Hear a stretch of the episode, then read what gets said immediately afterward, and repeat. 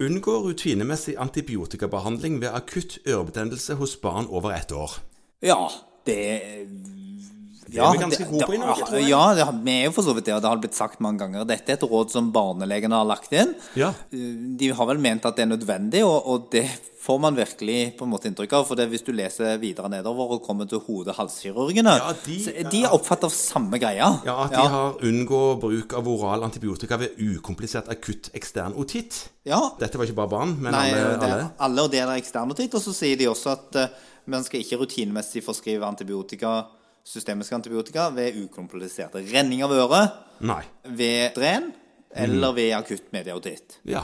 Og så mellomørebetennelse. Mm. ja. Så, så, så alle er på en måte her samstemt om at ved ørebetennelser så er det ikke rutinemessig antibiotika. Og Det, det er godt kjent hvis man leser sånn antibiotikaveileder Ja. så står det helt tydelig der at det er kun ved langdratt forløp eller Mm.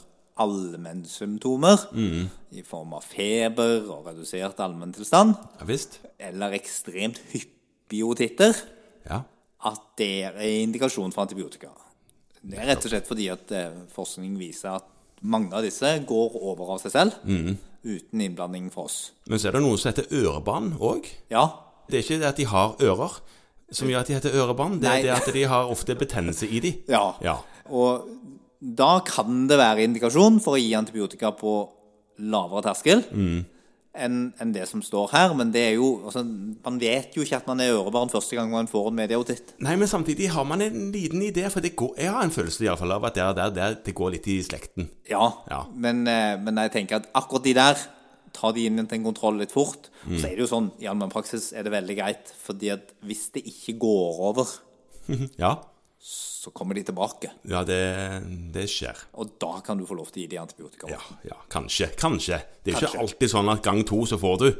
Nei, nei, nei, Nei. nei, nei, nei, nei, nei, nei. For det hender jo at man eh, er litt hissig og tenker at det burde gå vekk nå, og så er det bare det at man ja, er litt utålmodig.